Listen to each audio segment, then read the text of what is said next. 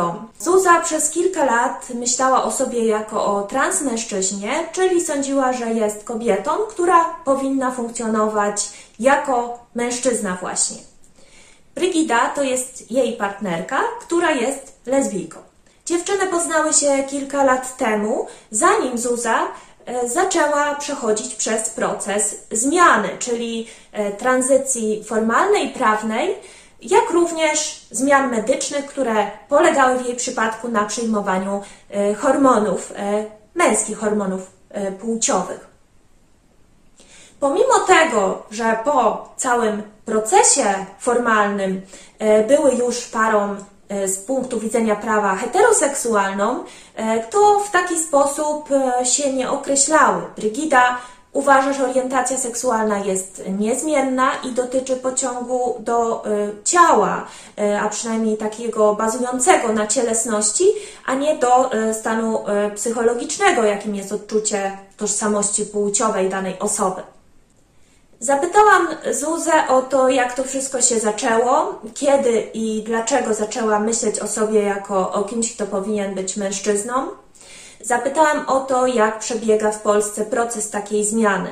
Wbrew temu, co mówią aktywiści, e, Zuza twierdzi, że jest on zbyt łatwy, zbyt szybki, e, że jest pozbawiony należytej diagnozy i informacji. Zapytałam też o to, jakie są e, skutki społeczne i zdrowotne funkcjonowania e, właśnie w, no, jako osoba płci przeciwnej do e, biologicznej, jak to było w jej przypadku jako transmężczyzny wówczas.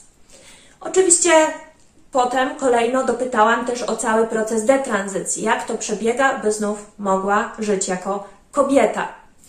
E, Brygidę pytałam natomiast, e, w jaki sposób ona odnalazła się w tej roli jako e, lesbijka, która raptem żyła z osobą, która z kobiety no, stała się mężczyzną, a przynajmniej tak o sobie myślała, do takiej jakby roli, do takiego wizerunku starała się upodobnić.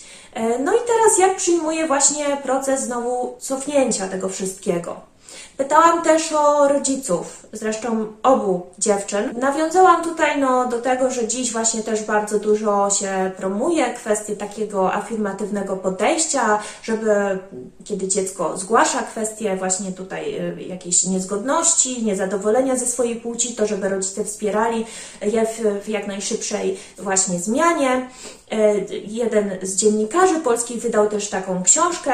E, to jest Piotr Jacoń, który jest ojcem, zdaje się, córki biologicznej, która w tym momencie funkcjonuje jako transmężczyzna właśnie. Na zakończenie zapytałam też o taką kontrowersyjną kwestię, jaką jest sformułowanie osoba z macicą, bo tak się składa, że to sformułowanie, które usilnie promuje lewica, dotyczyłoby właśnie takich osób jak e, Zuza, czyli biologicznych kobiet, które w jakimś okresie czasu myślały o sobie jako transmężczyźnie.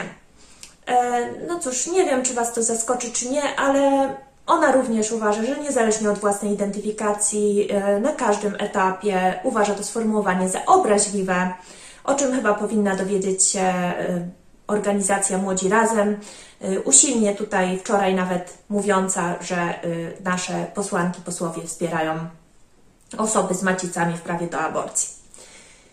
Cóż, osób transpłciowych jest naprawdę niewiele. E, jeszcze mniej jest transmężczyzn, czyli biologicznych kobiet, które czują się transpłciowe i chcą być mężczyznami. E, tym bardziej niewiele jest osób, które przechodzą detranzycję.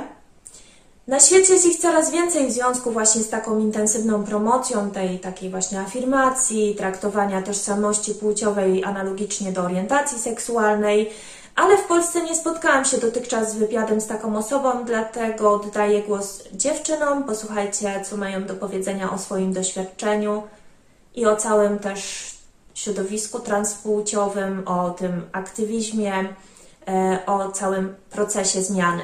Zapraszam na rozmowę.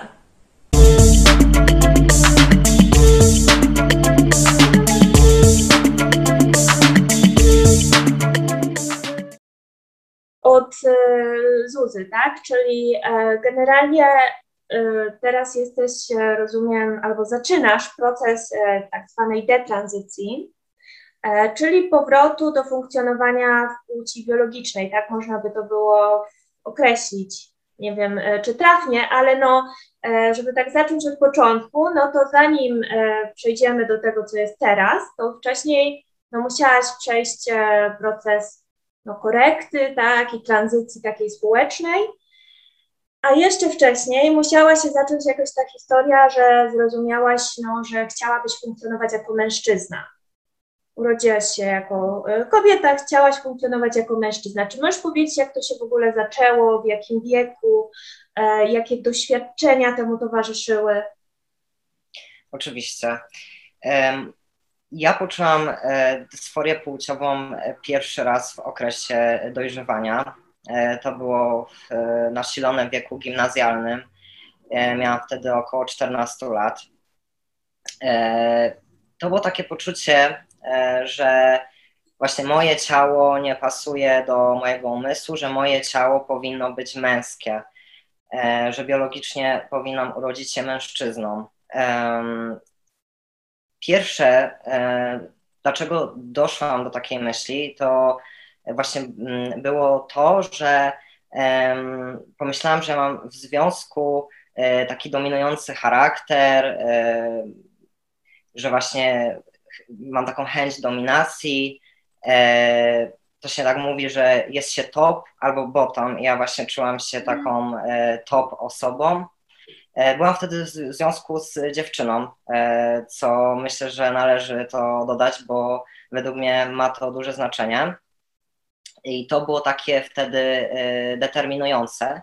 Natomiast co jeszcze pamiętam, to to, że w okresie dorastania, kiedy jeszcze byłam takim małym dzieckiem i, zaczęłam dorastać, to mm, miałam tak, że wolałam się bawić, e, wczuwając się w e, męskie postacie, męskich bohaterów. E, I też właśnie w okresie dojrzewania przypomniało mi się to i pomyślałam, że to jest kolejny dobitny fakt, że już jako dziecko miałam takie właśnie ciągoty i to świadczyłoby o moim transseksualizmie. Mhm.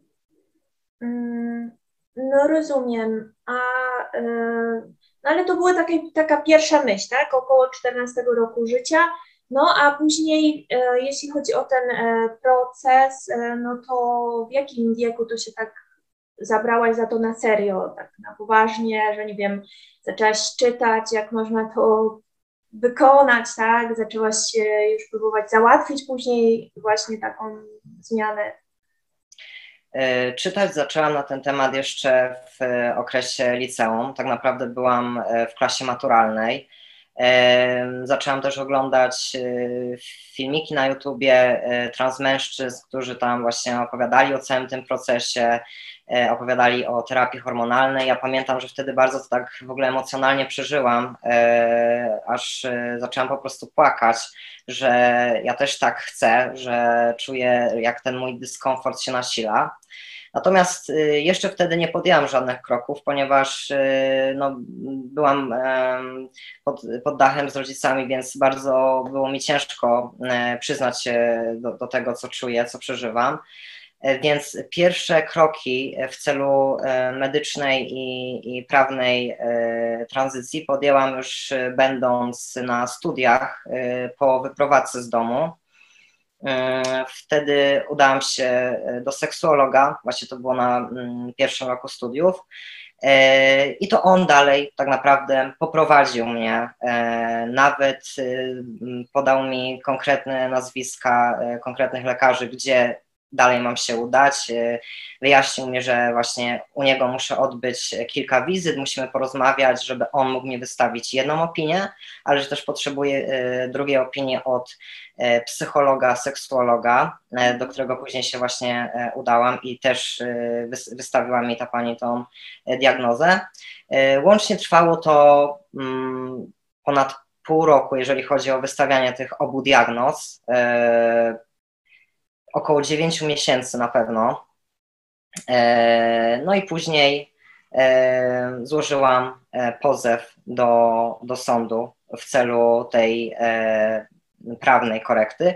W tym czasie, jeszcze właśnie zanim ten pozew został złożony, byłam już na terapii hormonalnej, którą stosunkowo w ogóle szybko, w którą szybko weszłam, szybko otrzymałam skierowanie na hormonoterapię. I właśnie po jakimś czasie już funkcjonowania na, na tej terapii hormonalnej, E, psycholog, seksuolog stwierdził, że możemy składać pozew, że on mi właśnie wystawi e, diagnozę potrzebną e, ku, ku temu.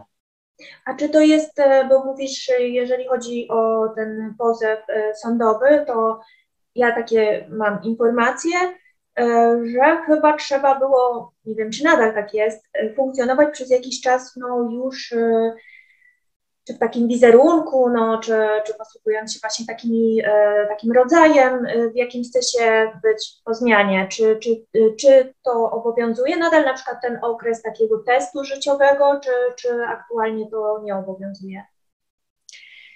E, powiem tak, w moim przypadku e, był taki test realnego życia, ale mhm. trwał on pół roku. E, ja słyszałam, że u różnych specjalistów są e, różne tak naprawdę wymogi czasowe, e, jeżeli chodzi o ten test realnego życia. Ja słyszałam, że niektórzy wymagają rok, półtorej roku, więc u mnie naprawdę trwało to dosyć krótko. Mhm. Czyli to jest raczej kwestia tego, jak ustali specjalista, który później sporządzi z tego opinię, a nie jest to jakiś taki e, prawny wymóg. Tak, dokładnie tak. Czyli to jest raczej y, procedura opiniowania przyjęta w środowisku niż, y, niż formalnie, nie wiem, zapisane w ustawie, tak? Dokładnie tak i właśnie warto dodać y, też, że tak naprawdę my mamy jakieś obowiązujące procedury medyczne Mm, jeżeli chodzi o wykaz y, badań, które powinny zostać przez pacjenta dostarczone przynajmniej do y, lekarza, już nawet nie do, do sądu.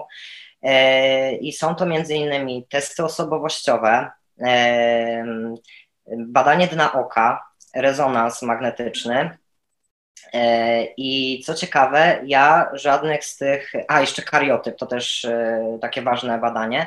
I co ciekawe, ja żadnych z tych badań nie miałam obowiązku zrobić. I testów osobowościowych również mi e, nie zrobiono. To też nie wykluczono w ogóle u mnie takich zaburzeń typu zaburzenie osobowości borderline czy, czy schizofrenia. Napomknęłam jedynie o stanach depresyjnych, które pojawiały się w moim życiu już od dłuższego czasu, takich głębszych nawet stanach depresyjnych. Napisałam o tym e, w wywiadzie, który akurat e, też jest takim standardem, e, który wymagają lekarze, no ale nie zostało to pogłębione, że tak powiem. Rozumiem, to może jeszcze do tych e, problemów, jakie teraz już dostrzegasz, bo, bo, bo dostrzegasz liczne problemy w tej, e, w, tej, w tej całej procedurze, to może jeszcze przejdziemy. E, natomiast jeszcze ostatnie, zanim Brygidę zapytam o, o, o to, jak w ogóle się poznałyście i jak, jak, jak ona do tego podchodzi, do całej tej sprawy, to chciałam jeszcze tylko się upewnić, bo co do tej procedury, to prawnie też funkcjonuje taka mm, no taka informacja, y, informacja taka funkcjonuje generalnie podawana przez media, że tam jest taki problem, że należy też pozwać rodziców. E, jak rozumiem, no żeby stwierdzić, że niesłusznie e, przypisali płeć, nie wiem, tak. Czy, czy tak, tak, tak. I tak, e, czy to jest problematyczne z Twojej perspektywy? To było jakoś trudne? Nie wiem, jak Twoi rodzice, jeżeli chodzi o to, uczestniczyli w tym procesie, jak, czy to sprawnie poszło? E, jeżeli chodzi o moich rodziców, e, oni zaakceptowali to i zrozumieli, ponieważ e, chcieli dla mnie mm, wszystkiego co najlepsze i jeżeli ja im przedstawiłam to w ten sposób, że to daje mi szczęście i że tego właśnie chcę, to oni to zrozumieli i powiedzieli: OK, oczywiście będziemy zeznawać na Twoją korzyść. Natomiast y, ja od samego początku na, to, y, na tym ubolewałam, dlatego że jest to taki proces y, dosyć przykry i upokarzający. Myślę, że zarówno dla jednej, jak i dla drugiej strony. No, ponieważ nazwijmy to wprost, jest to taka dziwna luka prawna po prostu. No bo to, to nie ma sensu po prostu e, pozywać rodziców o to, że e, przypisali dziecku e, złą płeć, no bo mm, no płci się w ogóle nie przypisuje, tam się rodzimy. Więc no tak mówię, jest to taka dziwna luka prawna. Jeżeli chodzi właśnie o mój przypadek, to tutaj miałam pełne wsparcie ze strony rodziców. E, natomiast e, no, słyszałam od e, różnych osób trans, że mm, te, te, sprawy mogą się przeciągać właśnie przez to, że rodzice nie chcą zeznawać na korzyść osoby trans.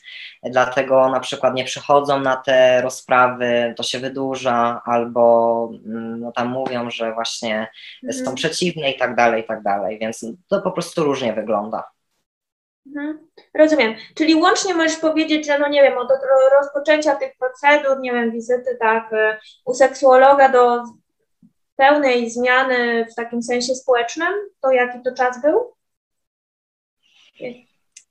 E, hmm, od, no tak mniej więcej, tak? Mm, no właśnie takie 9 miesięcy A, no około. To, to jest sprawnie, można powiedzieć, szybko. Bardzo sprawnie, bardzo sprawnie. Właśnie teraz ubolewam nad tym, że zbyt sprawnie i zbyt szybko. Mhm. No dobra. E, a teraz jeszcze w jakim wieku jesteś w tym momencie? 21 e, lat, w sierpniu skończę 22. Czyli właściwie to wszystko się, to jest świeża sprawa, wszystko się dzieje tak. A e, właśnie, a z Brygidą, bo wy jesteście razem, tak? Jesteście parą i e, od jakiego czasu wy się znacie? Czy poznałaś, poznałaś Brygida e, Zuzę już wtedy, kiedy była w tym procesie, czy to wcześniej jakoś było? To było tak, że my poznałyśmy się podczas studiów polonistycznych. Mm, przy czym potem oboje, obie też zrezygnowałyśmy z tych studiów i zaczęłyśmy inny kierunek. E, kiedy się poznałyśmy, ja już byłam na drugim roku studiów, e, Zuza była dopiero na pierwszym. E, I to było jeszcze w trakcie mm, tego, kiedy funkcjonowałaś zgodnie ze swoją płcią, więc poznałyśmy się po prostu jako dwie kobiety i też jako dwie kobiety już po jakimś czasie weszłyśmy w związek. Więc ja jestem w zasadzie z Zuzą jeszcze z, jeszcze z czasów, kiedy ona funkcjonowała jako kobieta, potem byłam z nią podczas jej tranzycji i no i dalej jesteśmy razem, więc można powiedzieć, że przeszłyśmy bardzo dużo różnych etapów y, i w życiu, okay. i w związku. Tak. Ja to nazywam próbą. No, na pewno tak można, można powiedzieć, tak. Mm, ale jestem właśnie ciekawa, no bo y, z Twojej perspektywy, odkąd ja się w ogóle dowiedziałam o, o Waszym istnieniu trochę przez media społecznościowe, e, no to e, w momencie takie charakterystyczne jest, że w momencie, w którym e, Ty, Zuza, zaczęłaś tą zmianę i zaczęłaś funkcjonować jako mężczyzna, to z kolei Brygida nadal uważała, że jest lesbijką, a nie no, kobietą heteroseksualną, tak? I Możesz y, tutaj więcej coś powiedzieć na ten temat, y, no, no jakby dlaczego, bo aktywiści y, właśnie tutaj LGBT często się upierają, że w takim układzie, no to, no to cóż, to chyba byłby związek heteroseksualny. No przede wszystkim ja zaznaczam, że popieram teorię, która ma jakieś podstawy naukowe na temat tego, że orientacja seksualna nie jest zmienna, i w momencie, kiedy Zuza mm, zaczęła dostosowywać swoją tożsamość e, płciową, e, znaczy bardziej swoje ciało do tożsamości płciowej, e, po prostu dla mnie to było coś odrębnego ode mnie, ponieważ ja dalej postrzegałam siebie jako kobietę homoseksualną, więc mi się tutaj jakby nie zmieniło, nie przeskoczyło mi na coś takiego, że nagle zaczęłam się interesować mężczyznami, czy nagle zaczęłam być hetero, czy biseksualna. I pomimo tego, że nawet zdarzyło mi się, że kiedy zaczęłam o tym mówić głośniej, um, chociażby poprzez y, Instagrama, y, spotkałam się właśnie z tym, że przychodziły do mnie zupełnie nieznane mi osoby, y, twierdząc, że to jest z mojej strony przemocowe, że, że ja właśnie wcale nie jestem lesbijką, że oni wiedzą lepiej, że wiedzą lepiej, jakiej jestem orientacji seksualnej. W każdym razie, no, mm, tak podsumowując, e, Zuza, będąc już w trakcie tranzycji, ona akceptowała to, że, że ja nie chcę jakby tutaj dopasowywać w taki cudzysłowie swojej orientacji seksualnej do jej tożsamości płciowej. Po prostu nazywałyśmy siebie tak, jak to odczuwamy najbardziej. Ty wtedy mm, nazywałaś siebie transmężczyzną, ja tak. nazywałam siebie lesbijką i z racji, że tutaj też należy zaznaczyć, że orientacja seksualna opiera się raczej na pociągu do y, tej płci biologicznej, y, no to jakby nie było tu jakiejś takiej mm, sprzeczności na tym poziomie biologicznym. Y, bardziej wywoływało to może jakieś takie zaskoczenie albo jakiś taki E, takie, taki brak zrozumienia u osób, które właśnie próbują tutaj twierdzić, że orientacja seksualna to jest pociąg do czyjejś tożsamości płciowej. Więc e, tak krótko mówiąc, to tak to właśnie rozumiem. Mhm. A ty wtedy jak swoją e, Zuza tą orientację definiowałaś w trakcie tej zmiany? Um, ja w ogóle miałam właśnie problem z, ze zdefiniowaniem swojej orientacji seksualnej, właśnie z tego względu, że e, ja doskonale wiedziałam, że moja płeć się nie zmieniła, e, że to kwestia mojej e, tożsamości płciowej po prostu. Mm, więc ja nawet nie próbowałam się określać, bo sprawiało to też jakiś dyskomfort w moim przypadku. E, dlatego odnosiłam się bardziej e, do mojego związku z, z Brygidą i po prostu mówiłam, e, że jesteśmy w związku jednopłciowym. Dla mnie to było chyba takim najbardziej neutralnym i racjonalnym określeniem i to było dla mnie jak najbardziej okej. Okay. Mhm. No tak, to w sumie jest takie, takie logiczne. No nie, nie, nie wszystko, nie wszystkie nasze definicje są w stanie, tak jak to Katrin Stock pisała w książce, no po prostu E, uwzględnić wszystkie możliwe kombinacje. E, I właśnie tak e, się zastanawiam teraz, no dobrze, no funkcjonowałaś w takim razie przez jakiś czas jako mężczyzna. I mm, no, jak, to, jak to wyglądało? Czy jeżeli chodzi przede wszystkim pod kątem takim społecznym, E, to czy ludzie, Twoje otoczenie generalnie to zaakceptowało, czy na przykład, nie wiem, e, z czym się spotykałaś e, częściej, znaczy jak, kiedy się spotykałaś częściej z dyskryminacją, czy na przykład będąc trochę taką niekonformistyczną lesbijką, nie wiem, na przykład noszącą stereotypowo bardziej męskie ubrania, czy mającą takie zainteresowania, czy wtedy, kiedy byłaś już po tym przejściu i funkcjonowałaś jako mężczyzna?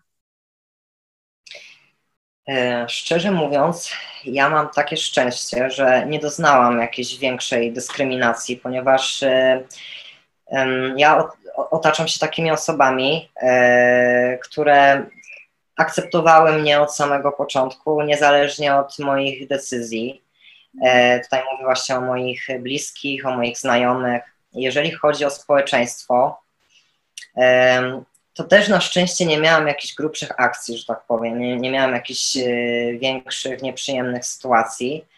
E, natomiast e, tutaj tak może bardziej subiektywnie powiem, że czułam, że jeszcze jak funkcjonowałam jako niekonformistyczna płciowo kobieta, po prostu jako kobieta, E, to mm, nie czułam się e, traktowana aż tak poważnie, jak e, zaczęłam funkcjonować jako mężczyzna. Tutaj taką subtelną zmianę po prostu dostrzegam, że jak zaczęłam funkcjonować jako mężczyzna, to społeczeństwo od razu zaczęło mnie traktować tak poważnie. Mhm. I to jest jedyne, co mm, tak naprawdę mnie spotkało z takich mniej mm, przyjemnych rzeczy, jeżeli chodzi o, o tamto poprzednie funkcjonowania. Czyli gorzej było jako kobieta, tak? Tak, tak dokładnie do tego zmierzam, tak. Okej. Okay.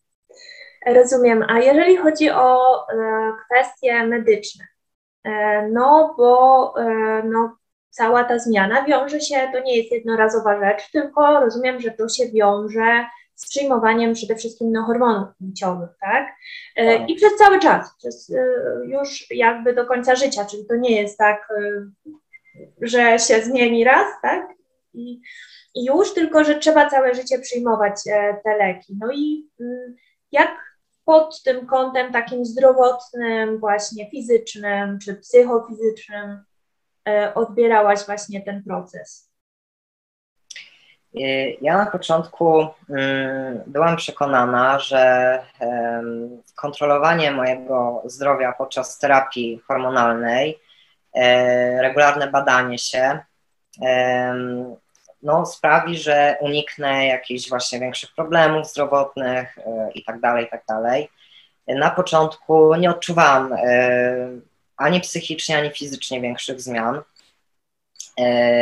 Natomiast y, niestety e, nie poinformowano mnie o tym, że mm, no może to kolidować z moim e, PCOS, e, które mam, czyli zespołem policystycznych jajników. No i ja teraz nie biorę hormonów od, już od jakiegoś czasu, konkretnie od początku marca bodajże, jakoś tak. E, może nawet chyba jeszcze później. W każdym razie no już nie biorę jakiś czas tych hormonów e, i, i, i trochę obawiam się o, o powrót do miesiączkowania, dlatego że ja już wcześniej miałam problem z, z miesiączkowaniem i no teraz moje jajniki są jakby całkowicie zatrzymane, ich, ich, ich, ich praca, ich funkcjonowanie, wytwarzanie estrogenów. E, w związku z tym, że zostało to zatrzymane, w pewnym momencie ja podczas terapii hormonalnej poczułam e, efekty menopauzy. Dosłownie e, miałam falę gorąca, czułam się właśnie gorzej fizycznie. Też tak serce mi niebezpiecznie przyspieszało w randomowych momentach i doskonale wiedziałam, że jest to spowodowane testosteronem, no ponieważ wcześniej takie rzeczy się nie działy. No i też właśnie, tak jak już wspomniałam, po prostu boję się mm, tego momentu, kiedy moje jajniki zaczną produkować estrogen, e, no bo wcześniej bez udziału testosteronu był już z tym problem, a wiem, że niestety testosteron pogarsza PCOS albo nawet u niektórych e, sprawia, że e, ten PCOS powstaje. Także mm, no ale mówisz, że ci nie powiedziano, że tam no, może to być jakoś problematyczne. E, no a czy teraz jesteś pod opieką jakiegoś lekarza? E, mój lekarz prowadzący mm, tą terapię właśnie hormonalną e, nie dysponował zbytnio terminami teraz, a ja właśnie niestety ostatnią wizytę, którą miałam mieć w kwietniu, nie dałam rady na nią dotrzeć. W związku z tym pani w recepcji E, powiedziała, że kolejną wizytę przewiduje na, e, na październik, e, więc będę musiała po prostu wybrać się do innego endokronologa i, i powiedzieć mu o całej sprawie. Jeszcze tego nie zrobiłam, jeszcze się nie wybrałam. Do, Czyli to odstawienie jest samodzielnie, tak? Jakby tak, jest samodzielne, jak najbardziej. Dobra, to jeszcze chciałam zapytać, a Brygida, a mm, czy ty jakieś widziałaś w trakcie tej zmiany ZUS-ie jakieś, nie wiem, zmiany zachowania, czy, czy właśnie samopoczucia. Jak ty odbierałaś ten proces właśnie takich, nie wiem, czy zmieniło się coś, no choćby w relacji, tak? Właśnie co zwalasz jakby na, na, na, na, na te leki. Prawdę powiedziawszy, e, to był dosyć ciężki czas dla nas obojga tak naprawdę. Ja na początku bardzo entuzjastycznie podeszłam do całej tej sytuacji, bardzo e, Zuzę zachęcałam do, e, do tranzycji, właśnie e, namawiałam ją na zmianę fryzury, na zmianę ubioru. Problem pojawił się w momencie, kiedy mm, zrozumiałam, że tutaj wchodzą już takie cięższe tematy, właśnie jak chociażby ta terapia hormonalna, czy, czy właśnie zmiana danych.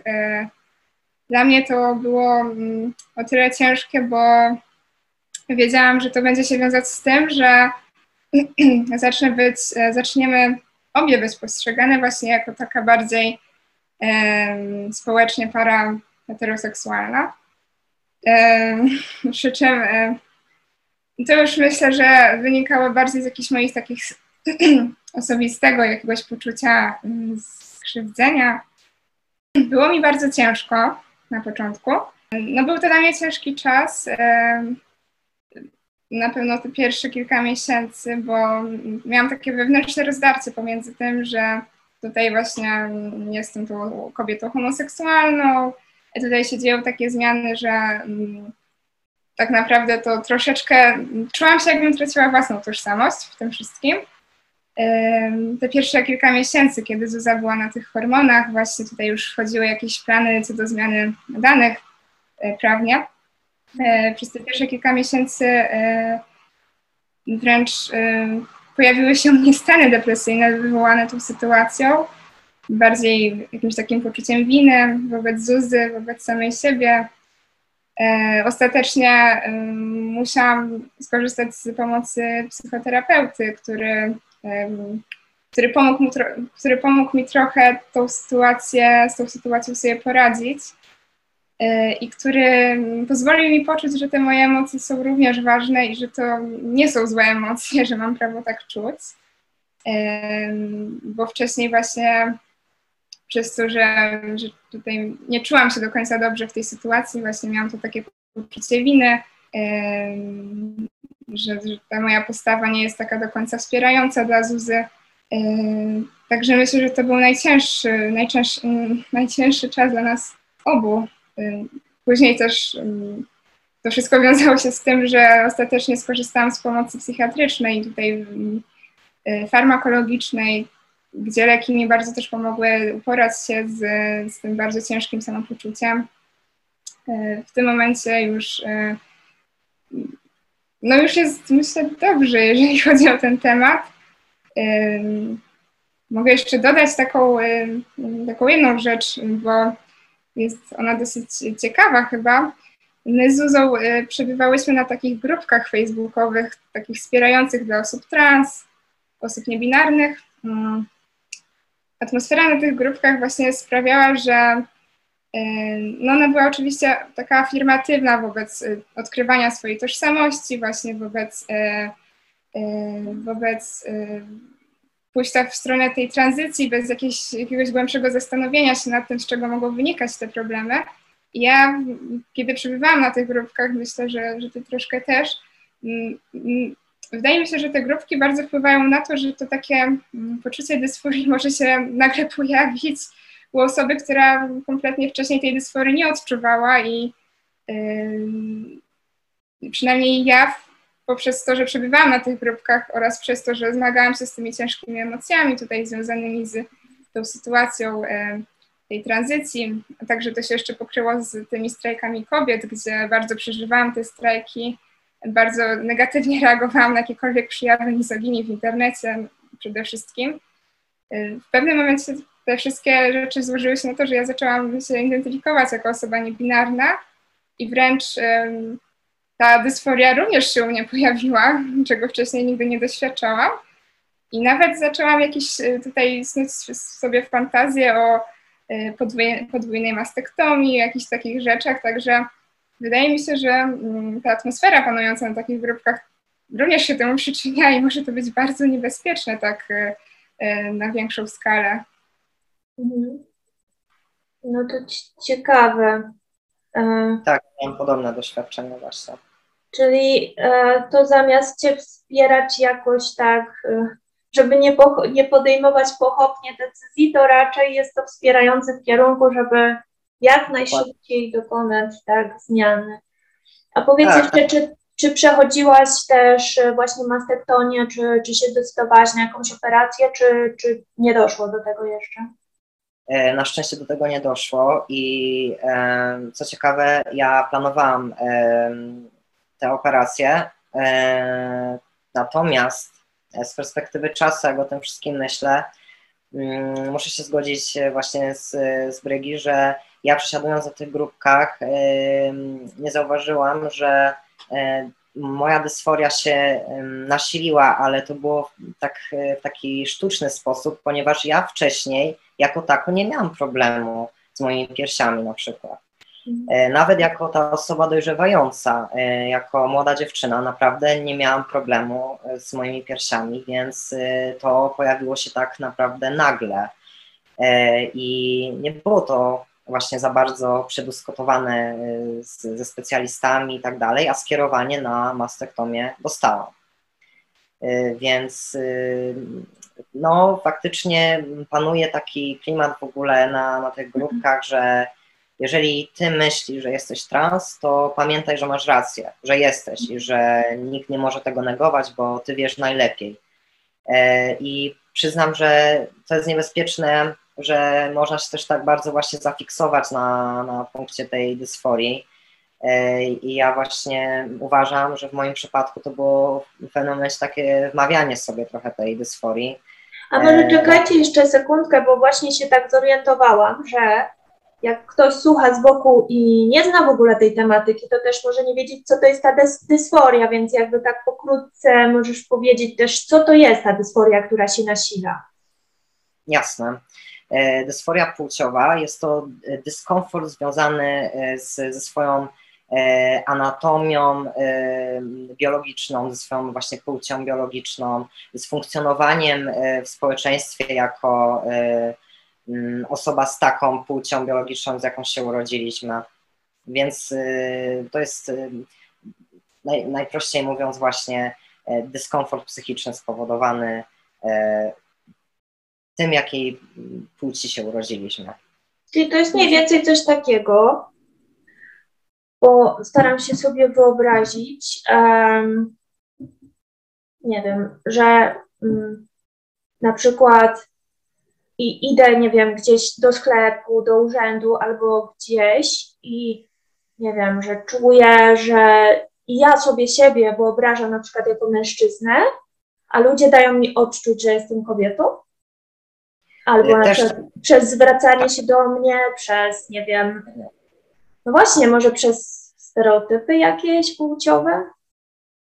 To ma sens w ogóle, w sensie, że no właśnie traktują mnie na przykład jako bardziej miękko, e, a nie tak jak ja sobie widzę, no nie wiem, e, ponieważ e, wiecie czemu sobie próbuję to tak jakby jakby tak odczuć, ponieważ na przykład w sporcie, który, którego dużo uprawiam, też często, żeby jakoś się stymulować, prawda, do tej większej aktywności, wyobrażam sobie siebie na przykład jako kogoś silniejszego niż jestem, prawda, bo żeby gdzieś tam, dlatego tak się zastanawiam, czy jakoś to przypomina. Czasami ludzie mówią też, że przypomina być może na jakiś problem z zaburzeniem odżywiania też, nie wiem, że ktoś się czuje. Jak możesz to w jakiś sposób opisać, tak bardziej obrazowo, co to jest za uczucie? Tak, właśnie mm, ja jak e, funkcjonowałam, e, jak zaczęłam funkcjonować jako mężczyzna, e, tak społecznie jeszcze w ogóle przed tranzycją hormonalną, przed tranzycją prawną, mm, no to wiadomo, nie zaszły u mnie w ciele jeszcze żadne zmiany, ale już w swojej głowie byłam tym mężczyzną i też tak funkcjonowałam. Więc jeżeli właśnie ktoś na przykład nie zgenderował mnie, czyli używał zaimków, które nie były przeze mnie preferowane, zaimków zgodnych z moją płcią biologiczną, czyli mówił do mnie per, y, per ona, per pani, e, no to czułam ten dyskomfort, bo chciałam, żeby zwracano się do mnie właśnie jak do mężczyzny. E, I to już wywoływało we mnie właśnie jakąś, jakiś rodzaj dysforii. Jeżeli chodzi o, o te stereotypy płciowe, przyznam szczerze, że ja bardzo zaprzeczałam sobie, że wcale nie o to mi chodzi, że to wcale nie chodzi o, o stereotypy i że e, właśnie y, ja to tłumaczyłam sobie tak, że po prostu urodziłam się w złym ciele, że moje ciało powinno być biologicznie męskie e, i to po prostu jest kwestia tylko i wyłącznie ciała. Ale teraz, z perspektywy czasu, jak o tym myślę, to mm, nie jest to argument, który można e, jakkolwiek no, czymś udowodnić. E, gdzieś tam wewnętrznie myślałam, że jeżeli ja zacznę być postrzegana jako mężczyzna, to e, zacznę być automatycznie postrzegana jako ktoś właśnie silniejszy, ktoś, kto może osiągnąć jakiś sukces, kto ma więcej umiejętności i tak dalej, i tak dalej.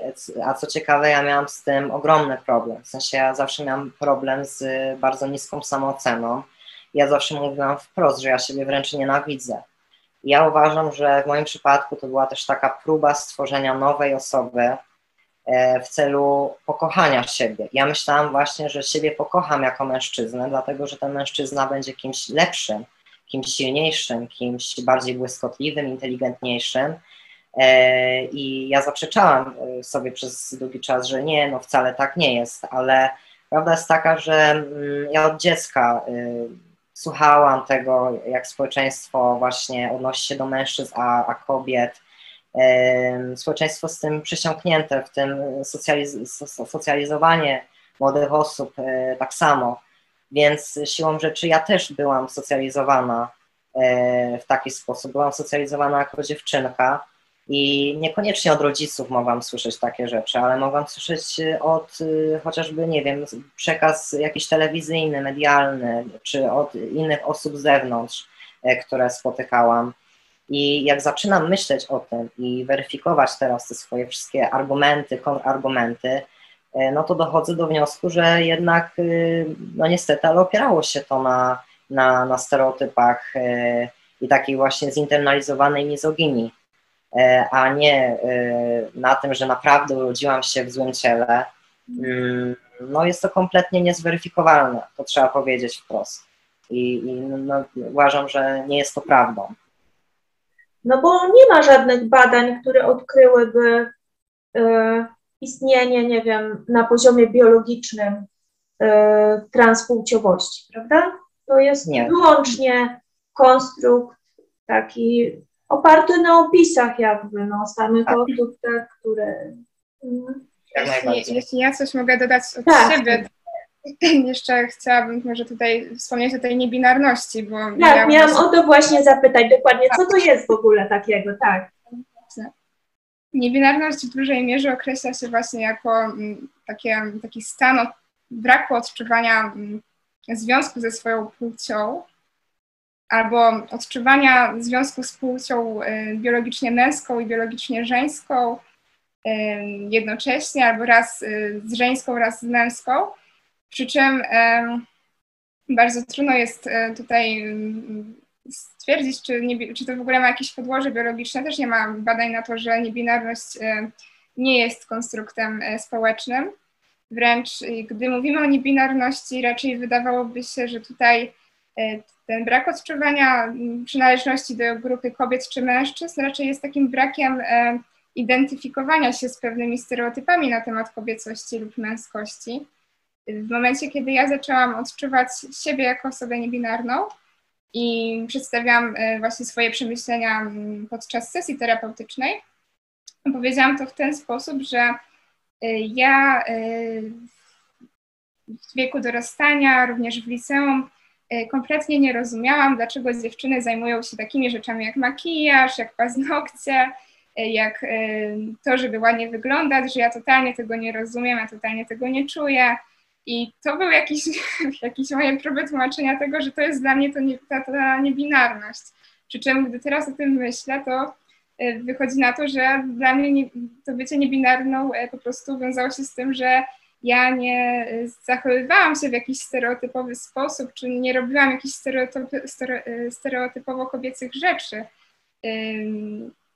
Przy czym tutaj też jakby te stereotypowo męskie rzeczy również mnie nie interesowały, więc w pewnym momencie doszłam do wniosku, że ja jestem totalnie, totalnie nie odczuwam żadnego związku ze swoją płcią ani z płcią przeciwną, więc muszę być w takim razie agender, czyli właśnie apłciowa. W tym momencie, jak o tym myślę, no to, no to musiało być po prostu jakieś racjonalizowanie i próba poradzenia sobie z jakimś gorszym stanem psychicznym. Natomiast e, no, trudno mi jakby e, powiedzieć, e, w jaki sposób inaczej można byłoby wytłumaczyć tą niebinarność, jak e, żeby nie odwoływać się do tych stereotypów płciowych, bo bardzo często nawet jak rozmawiałam z jakimiś, jak pytałam się osób niebinarnych czy trans, czym jest dla nich niebinarność, nigdy nie uzyskałam odpowiedzi takiej, która nie odwoływałaby się do tych stereotypów płciowych, albo w ogóle nie uzyskiwałam odpowiedzi, więc no też myślę, że to mówi samo przez siebie. No tak, no, bo cała ta konstrukcja, to żeby było jasne właśnie, no, cała ta konstrukcja odnosi się do gender, a nie do seksu, czyli do płci biologicznej. Ale jest to tak przedstawiane, że prawdopodobnie wiele osób może mm, no, myśleć, że, że faktycznie odkryto jakąś trzecią płeć lub e, właśnie jakieś bezpłciowe osoby u ludzi, a, a, a to nie jest prawda. W momencie, kiedy ja też y, napisałam wprost, że byłam osobą niebinarną, ale okazało się, że to jednak nie ma sensu, dowiedziałam się, że w takim razie nigdy nie mogłam być osobą niebinarną, skoro y, mi przeszło. Co też y, wiem, że osoby trans też tak mają, raczej osoby detrans, które zdecydowały się na detranzycję, że często właśnie słyszą ze swojego środowiska, że skoro zdecydowały się na, te, na detranzycję, to prawdopodobnie po prostu nie były osobami trans. To myślę, że jest bardzo krzywdzące, bo to jest jakieś takie unieważnianie tych doświadczeń, tych e, emocji. No dobra, a to właśnie detranzycja. Czemu e, Zuza się na to zdecydowałaś w końcu? Po funkcjonowaniu, no i po tej zmianie już prawnej, tak? Czemu, czemu skąd ta decyzja?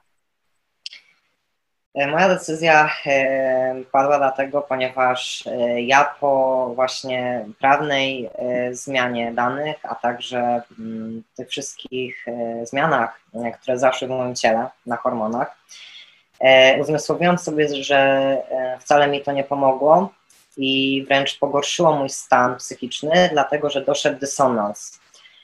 Dysonans z tego powodu, dlatego że ja doskonale wiedziałam, że płci nie da się zmienić i ja po prostu zmieniam moje ciało, e, ale e, nie do końca, że to są takie bardzo e, powierzchowne zmiany i to też takie zmiany, które tak naprawdę no, ten testosteron w mojej krwi też powoduje szkody. To nie jest w ogóle hormon, który naturalnie wytwarza mój żeński organizm.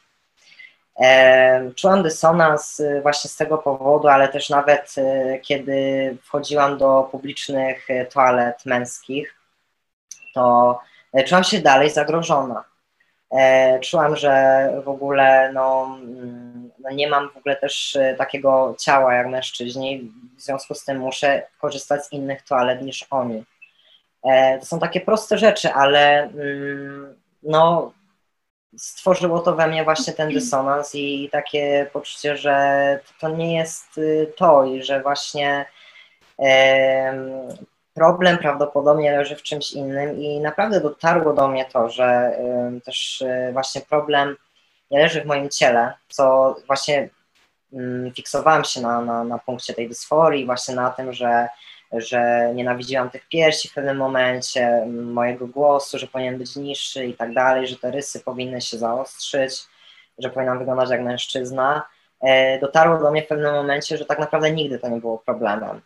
E, problemem było to, jak ja postrzegam swoją osobę i, i właśnie ta, e, dość, że tutaj z jednej strony ta zinternalizowana mizoginia, którą sobie uświadomiłam, a z drugiej strony to właśnie to, że próbowałam w ten sposób wytworzyć tą e, nową osobę, którą e, miałabym pokochać i to też nie wyszło.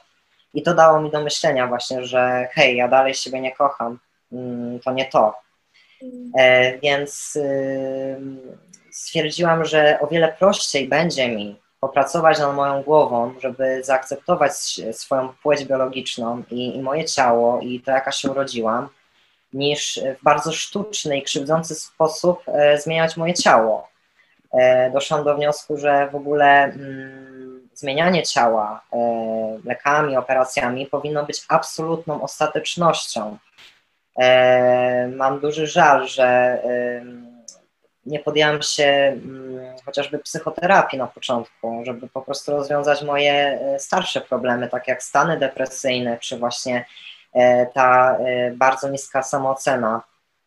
E, no bo teraz z perspektywy czasu wydaje mi się, że właśnie mm, to nie dysforia, ale, ale, ale właśnie to, te stany depresyjne, czy, czy właśnie czy ta niska samoocena. I właśnie żałuję, że nad tym najpierw się nie pochyliłam.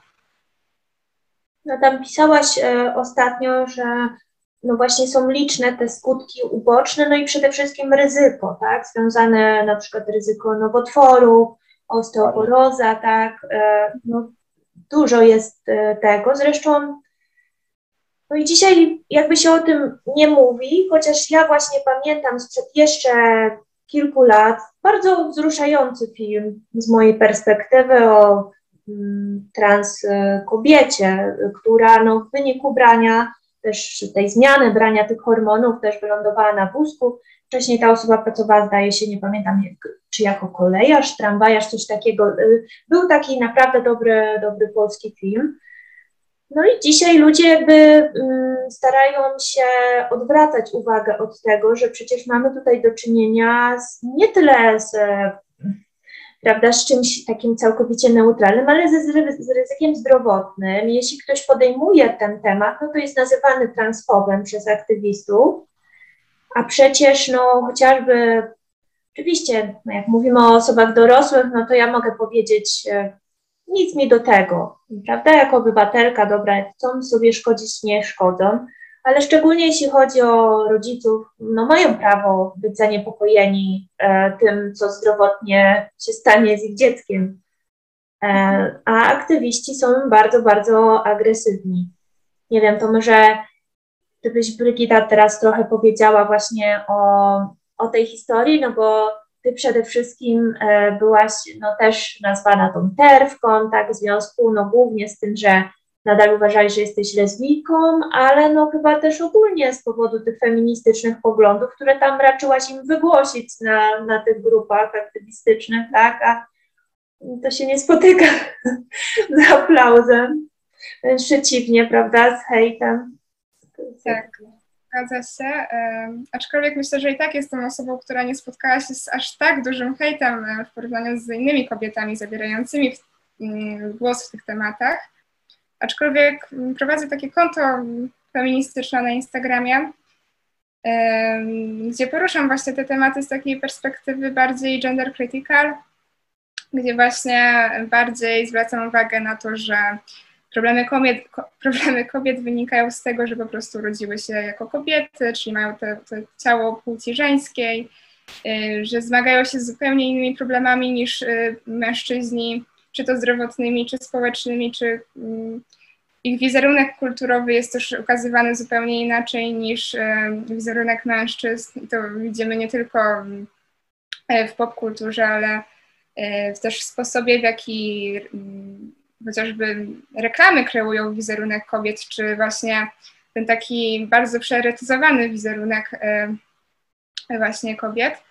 E, ja to mm, staram się właśnie jakby patrzeć od tej strony i podejmować jakiś taki, e, taką polemikę z właśnie z tym, co się dzieje teraz w tym popfeminizmie, gdzie przyciska się właśnie to też to takie afirmowanie tego mm, sex, sex work is work, czy właśnie, że, że tutaj e, e, nikt nie rodzi się, e, znaczy przepraszam, że, że można się urodzić w złym ciele, no i jeżeli się ktoś urodzi w złym ciele, no to musi tutaj wykonywać na sobie jakieś różne zabiegi, czy to upiększające, czy, czy związane ze zmianą płci. Moim zdaniem no, w ogłoszeniu tych test nie ma za bardzo takiego czegoś feministycznego, aczkolwiek zdaję sobie sprawę, że to jest teraz modne, a takie pójście pod prąd no, często się może spotykać właśnie z, e, z jakimś ostracyzmem ze strony osób, którym głoszenie tych e, modnych rzeczy po prostu się opłaca. Mm, jeżeli chodzi o, mm, o to, co spotyka kobiety, które właśnie mają odwagę, żeby zabrać głos, e, sprzeciwić się właśnie chociażby wyzyskowi seksualnemu kobiet w tej branży erotycznej, to krytykowanie prostytucji jako, jako jakiegoś systemu, który jest y, kolejnym przykładem na wyzyskiwanie kobiet, czy właśnie na y, przedstawianie y, tutaj, y, że niekoniecznie trzeba od razu zmieniać swoje ciało, może warto najpierw popracować nad swoim myśleniem i tak jak właśnie czytam teraz książkę Gender bez emocji, to jest wprawdzie książka popularno-naukowa, ale wiele ciekawych rzeczy można się tam na ten temat dowiedzieć.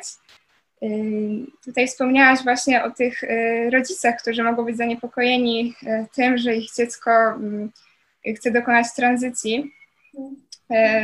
Rzeczywiście są badania, które potwierdzają, że u większości dzieci ta, ta dysforia płciowa znika, że pojawia się remisja tej dysforii, więc akurat terapia hormonalna czy jakieś operacje ingerujące w ciało no, powinna być to już ostateczność i na pewno nie, nie, nie powinno to być wykonywane na takich małych dzieciach czy nastolatkach. Też wiem, że od razu teraz, gdy powiedziałam o tych dzieciach, no to wiem, że od razu by się pojawiły głosy sprzeciwu, że, że nikt nie wykonuje takich rzeczy na dwunastolatkach, trzynastolatkach, ale wystarczy wejść na grupę dla rodziców dzieci trans, czy na grupę dla osób transpłciowych, żeby zobaczyć ten duży, ten duży wzrost tych, duży, dużą liczbę kolejno pojawiających się osób, które doświadczają dysforii. Więc zwracanie uwagi na te problemy spotyka się oczywiście z hejtem, z, z wyzywaniem od transfobii, od transfobów, od terfek, ale są to tematy, które warto poruszać i pod, poddawać dyskusji, gdyż jeżeli będziemy to wszystko zamiatać pod dywan, to po prostu coraz więcej osób będzie um, skrzywdzonych. No i myślę, że już się będzie tutaj pojawiać jakiś problem, że coraz więcej osób będzie się okazywać tak naprawdę detrans, um, coraz więcej młodych osób, nawet nastolatek.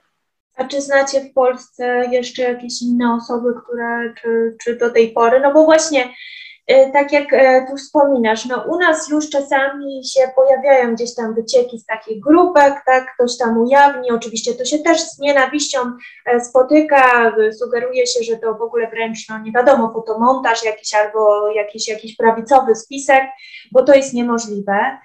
Natomiast no, jeśli popatrzeć na to, że u nas w Polsce zawsze przychodzą do nas, do Polski zawsze przychodzą trendy, które są na świecie, to, e, no to w innych krajach, gdzie, gdzie, ten, gdzie to już trwa ta moda trochę dłużej, no to faktycznie, e, no gdzie nie gdzie te blokary dojrzewania, prawda, są legalne dla, dla, dla młodzieży, są e, dzieci też poddawane właśnie chirurgii, chirurgicznemu leczeniu, w związku z tym właściwie leczeniu na operacji plastycznej, tak? E, I tych osób, które wypowiadają się jako detranzycjonerzy, detranzycjonerki jest e, już całkiem sporo. Nie wiem, jak to wygląda w Polsce, bo o tobie słyszę jako pierwszej, chociaż też chyba jeszcze gdzieś tam mignęło mi jakieś konto. Ale czy w ogóle właśnie, czy, czy, czy znacie takie osoby i czy e, jak one są w ogóle traktowane właśnie przez aktywistów na rzecz praw osób transpłciowych w Polsce? E, ja osobiście znam kilka takich osób. E, tworzymy w tym momencie społeczność swoją, e, małą, własną. Szukamy się, potrzebujemy wzajemnego wsparcia, zrozumienia, więc tam jakoś na szczęście się odnajdujemy. W tym momencie to jest garstka osób. Natomiast y, dobrze wiem, że tych osób jest coraz więcej, ponieważ y, od innych osób też słyszę, że te osoby nie chcą się nawet nam ujawnić, y, dlatego że się po prostu boją.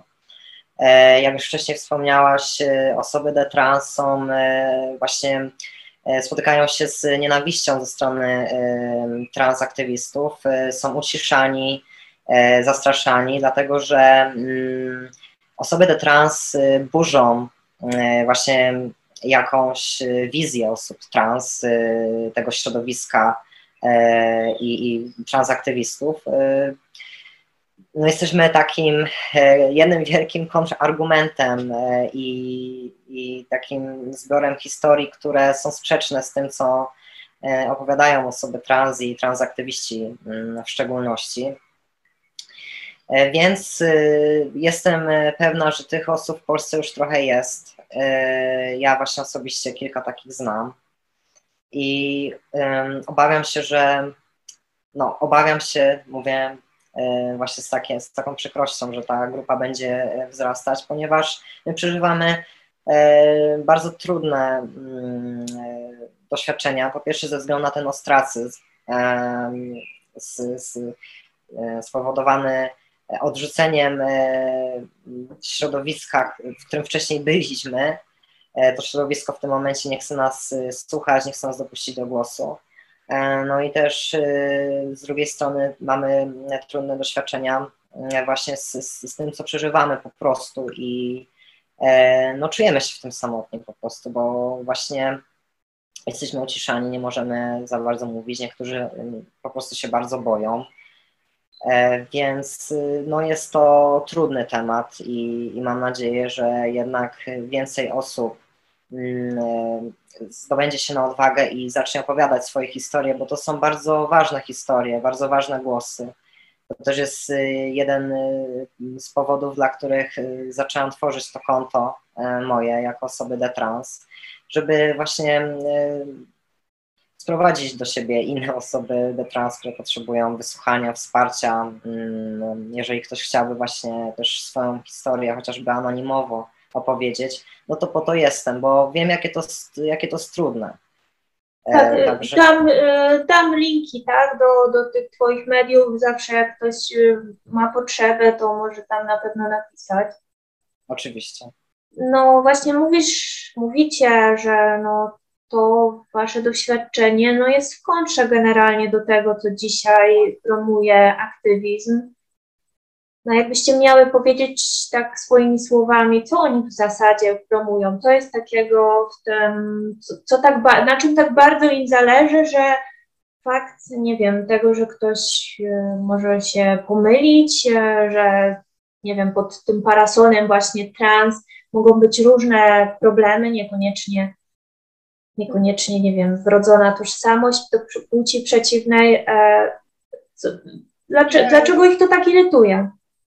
Wydaje mi się, że mm, też idę tak trochę za autorką książki Gender bez emocji, bo troszkę tak faktycznie można dostrzec, że coś takiego się pojawia, że e, tutaj wcześniej, kiedy właśnie osoby homoseksualne walczyły o swoje prawa, dalej walczą w niektórych krajach, bo nie we wszystkich krajach są te prawa wywalczone, między innymi w Polsce.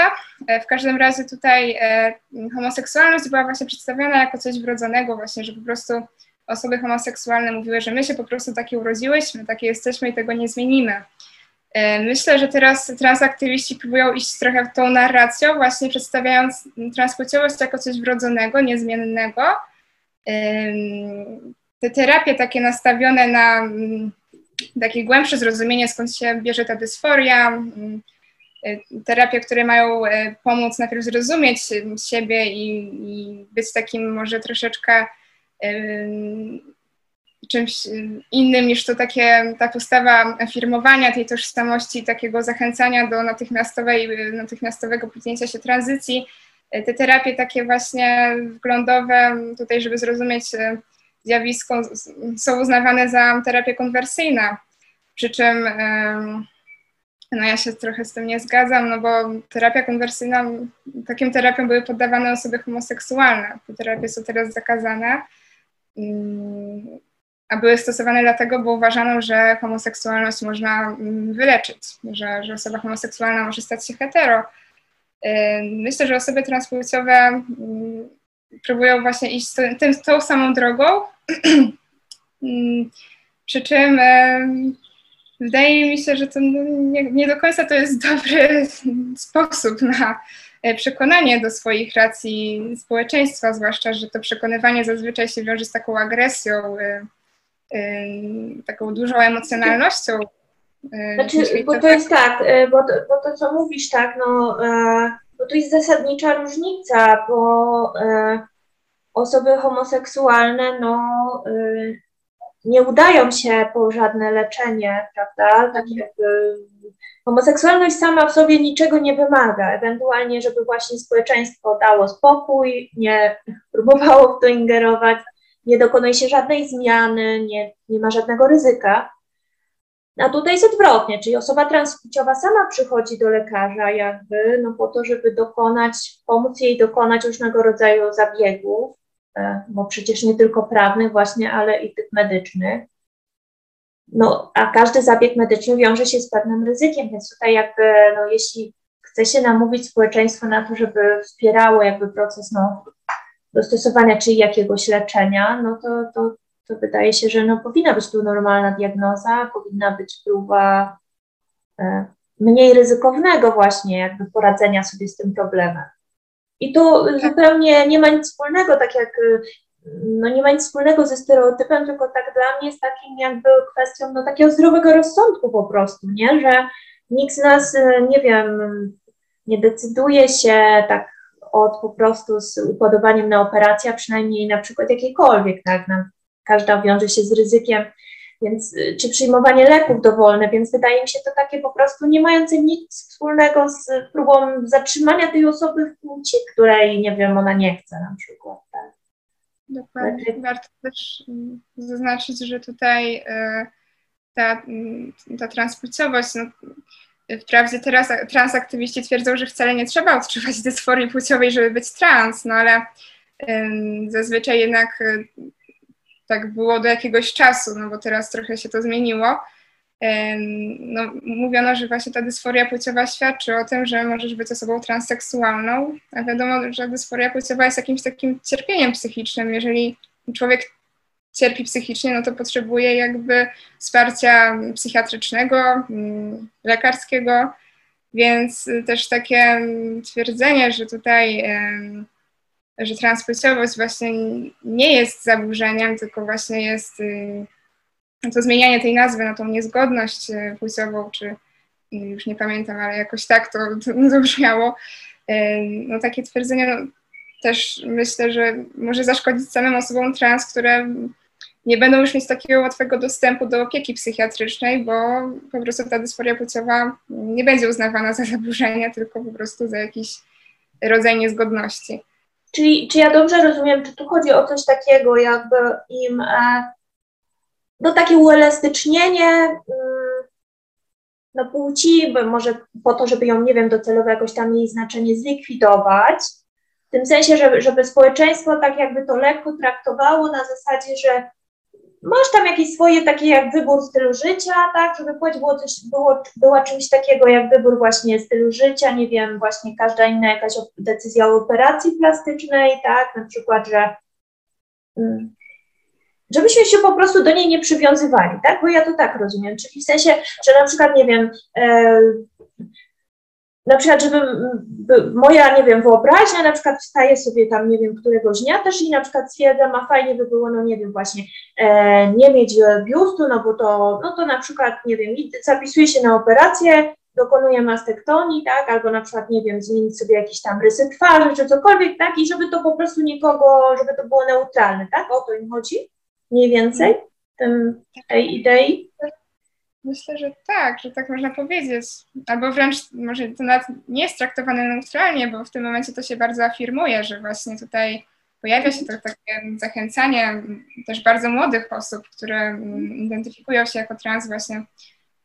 Widać, że są one zachęcane do natychmiastowego udania się do seksuologa, co akurat jest w porządku, że tutaj odsyła się do tego seksuologa, przy czym pytanie, jaka jest intencja, no bo zazwyczaj tutaj za tym się kryje jak najszybsze przepisanie hormonów i właśnie następnie jakieś skierowanie na mastektomię czy jakieś inne operacje, więc no jest ten taki afirmatywny stosunek do tego.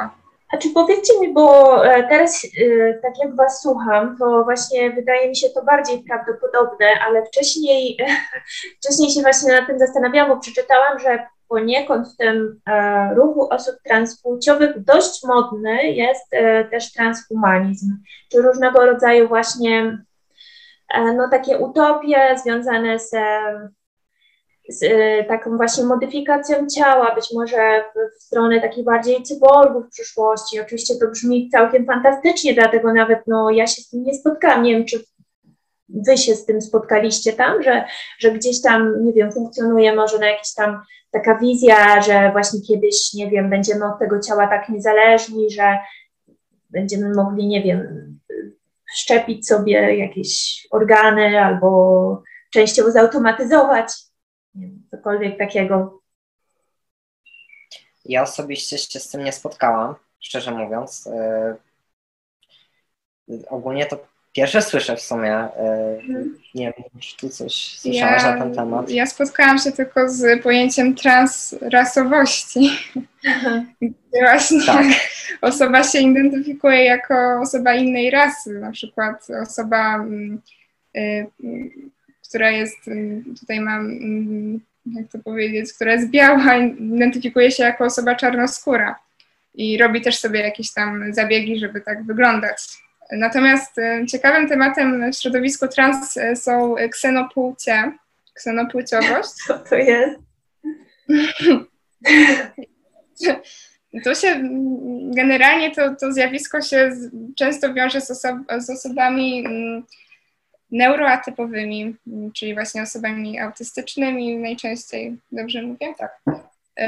No i to jest jakieś, co się tłumaczy tak, że ktoś odczuwa swoją płeć jako na przykład mm, jako zjawisko pogodowe, jako, albo jako jakiś księżyc, czy jako jakieś zwierzęta, na przykład jako króliczka, ktoś się, jak ktoś odczuwa siebie jako królika i, i ma takie zaimki, jakieś bani, bani. Przepraszam, że ci wejdę w słowo, bo oni to często tak tłumaczą, że e, po prostu te różne zjawiska właśnie pogodowe czy zwierzęta, że e, to, pom to pomaga im wyrażać ich płeć. Że, Mimo, e, pytanie takie jedno moje się nasuwa tutaj po prostu, czy nie można zamiast płci wyrażać po prostu, no nie wiem, osobowości, jakichś innych obszarów osobowości? Dobre pytanie. Dobre pytanie. Generalnie ksenopłciowością nawet zajęła się mm, Lewica w internecie, ile się nie mylę, tak, która tak. chyba partia Razem nawet robiła jakieś takie mm, grafiki, grafiki informacyjne. Uświadamiające. Nie, no w ogóle wiecie, no wszystko byłoby fajnie, w ogóle naprawdę ja y, nie mam, no są różne mody, też trochę mi to tak bardziej podchodzi pod subkulturę, to co już teraz mówicie tam o tym, te zwierzęta, te wszystkie ta, te dziwne takie gendery, które wymyślają. E, I wszystko było spoko. E, no właśnie, gdyby właśnie nie ten aspekt e, związany no przede wszystkim z no, ryzykiem tym medycznym, takich pochopnych decyzji o jakichś modyfikacjach typu właśnie hormony, operacje. E, właśnie ryzykiem medycznym dla e, bardzo młodych osób, czyli takich, które w ogóle jeszcze nie mają prawa podjąć świadomie takiej decyzji. E, a właśnie kwestia tych blokowania tego dojrzewania też jest mocno promowania. No i przede wszystkim skutku dla praw kobiet, dlatego że no, cały ten problem tutaj, tak jak wspomniałaś, wchodzisz do męskiej toalety i czujesz się w jakiś sposób zagrożona nadal. Może funkcjonujesz jako mężczyzna, no już masz papier, tak, podbite, że w razie czego, tak, jesteś mężczyzną, masz, masz yy, tutaj dopasowanie wizualne, tak, no i jednak, yy, jednak jest ten ręk i w, na przykład w książce, yy, zdaje się, to było Niewidzialne Kobiety, sporo takich badań przytaczała autorka, która no potwierdza, że pomimo tego, że kobiety właściwie statystycznie e, od obcych osób doświadczają trochę mniej przemocy, a częściej doświadczają jej po prostu w środowisku domowym, no to mimo wszystko my po prostu mamy ten strach przed chodzeniem w miejscach publicznych cały czas bardzo, bardzo wysoki chodzeniem wieczorami i chodzeniem do toalet. I ktoś się śmieje z tego, bo ostatnio widziałam, że jakaś feministka e, udostępniła tam grafikę, że ha, ha, tutaj była osoba transpłciowa i nic się nie stało, czy trans kobieta, tak, w tej toalecie załatwiała potrzeby. Taką widziałam, nie wiem, czy to był żart, czy nie, ale sobie pomyślałam, no, że w sumie to jest żart znaczy to jest kpina z, z, tematu, bo to równie dobrze na niektórych e, ulicach nie, nie zginęły żadne dzieci, to zlikwidujmy, nie wiem, znaki drogowe ostrzegawcze przed, y, prawda, przed, y, przed tego typu zagrożeniem, no, że, jest, że się zbliża szkoła albo no cokolwiek, tak, więc e, to nie jest żaden argument.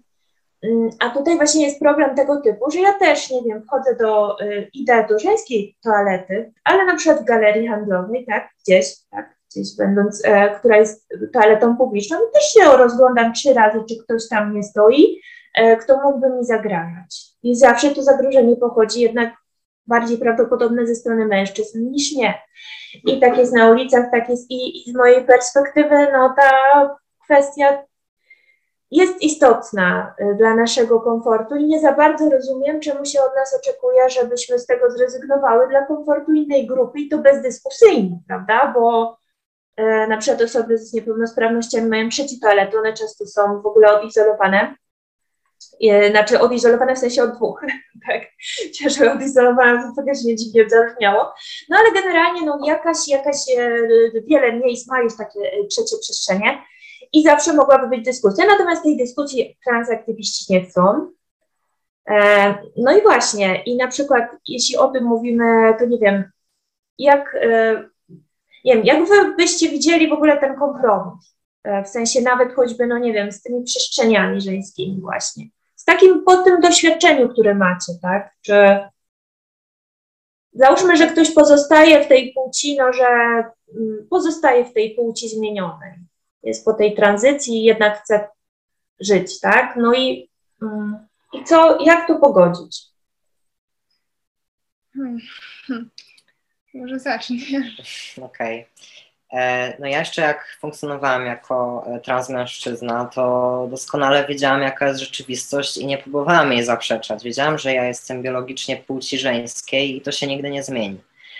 E, ja mm, myślałam właśnie dużo na, na te tematy, właśnie jakby to roz, y, rozwiązać, te, ten problem właśnie tych toalet czy, czy sportów, ja na przykład y, nie widzę problemu i, tam jakiejś y, przeciwności, żeby po prostu właśnie stworzyć osobną toaletę jeszcze, czy osobną kategorię e, w, w tych zawodach sportowych dla osób e, transpłciowych.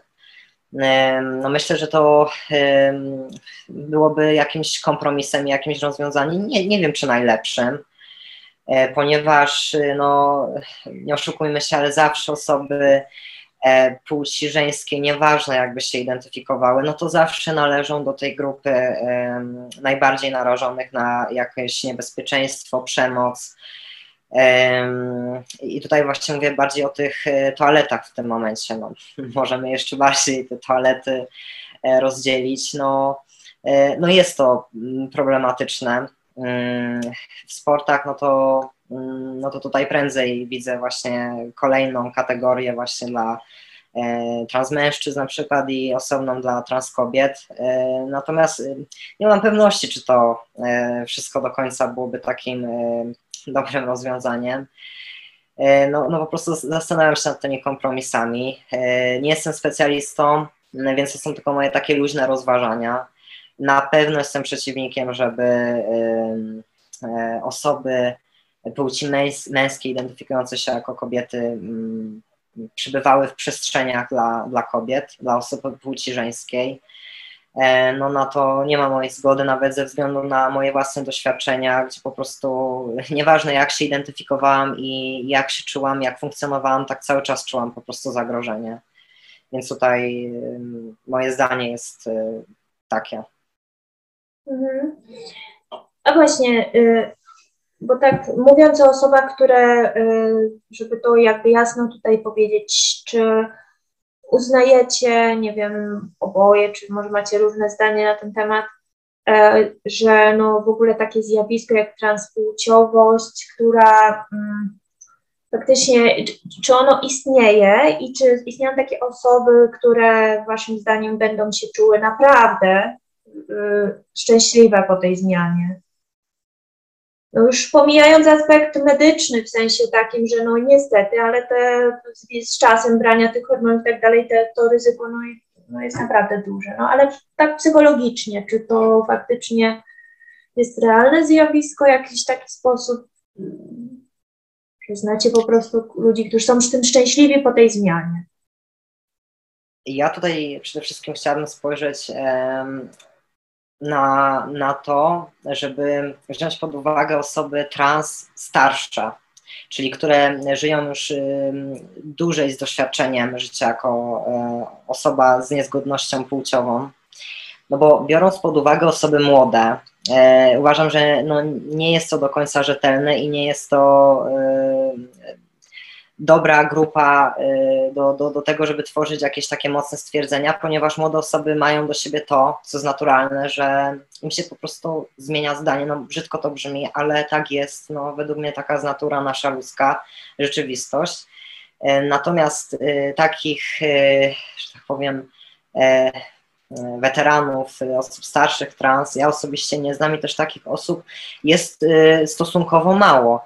Ja osobiście w ogóle e, słyszałam, jeżeli chodzi o transmężczyzn, którzy od lat, lat brali hormony, oni często e, nie, doży, nie, doży, nie dożyją do, nie dożywali, nie udało im się dożyć do 60 e, roku życia, przez to jak testosteron zniszczył ich organizm. I o tym opowiadała mi moja detrans znajoma, która osobiście miała takich znajomych ponieważ ona y, uczestniczyła y, w, y, w ogóle w, w, czasach swojej młodości w takich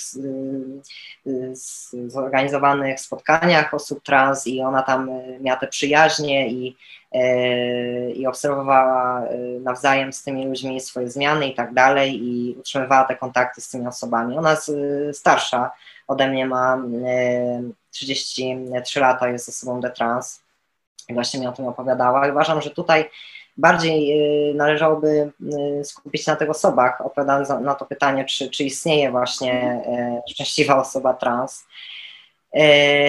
Jeżeli chodzi o moje osobiste zdanie, to jest tylko moja teoria.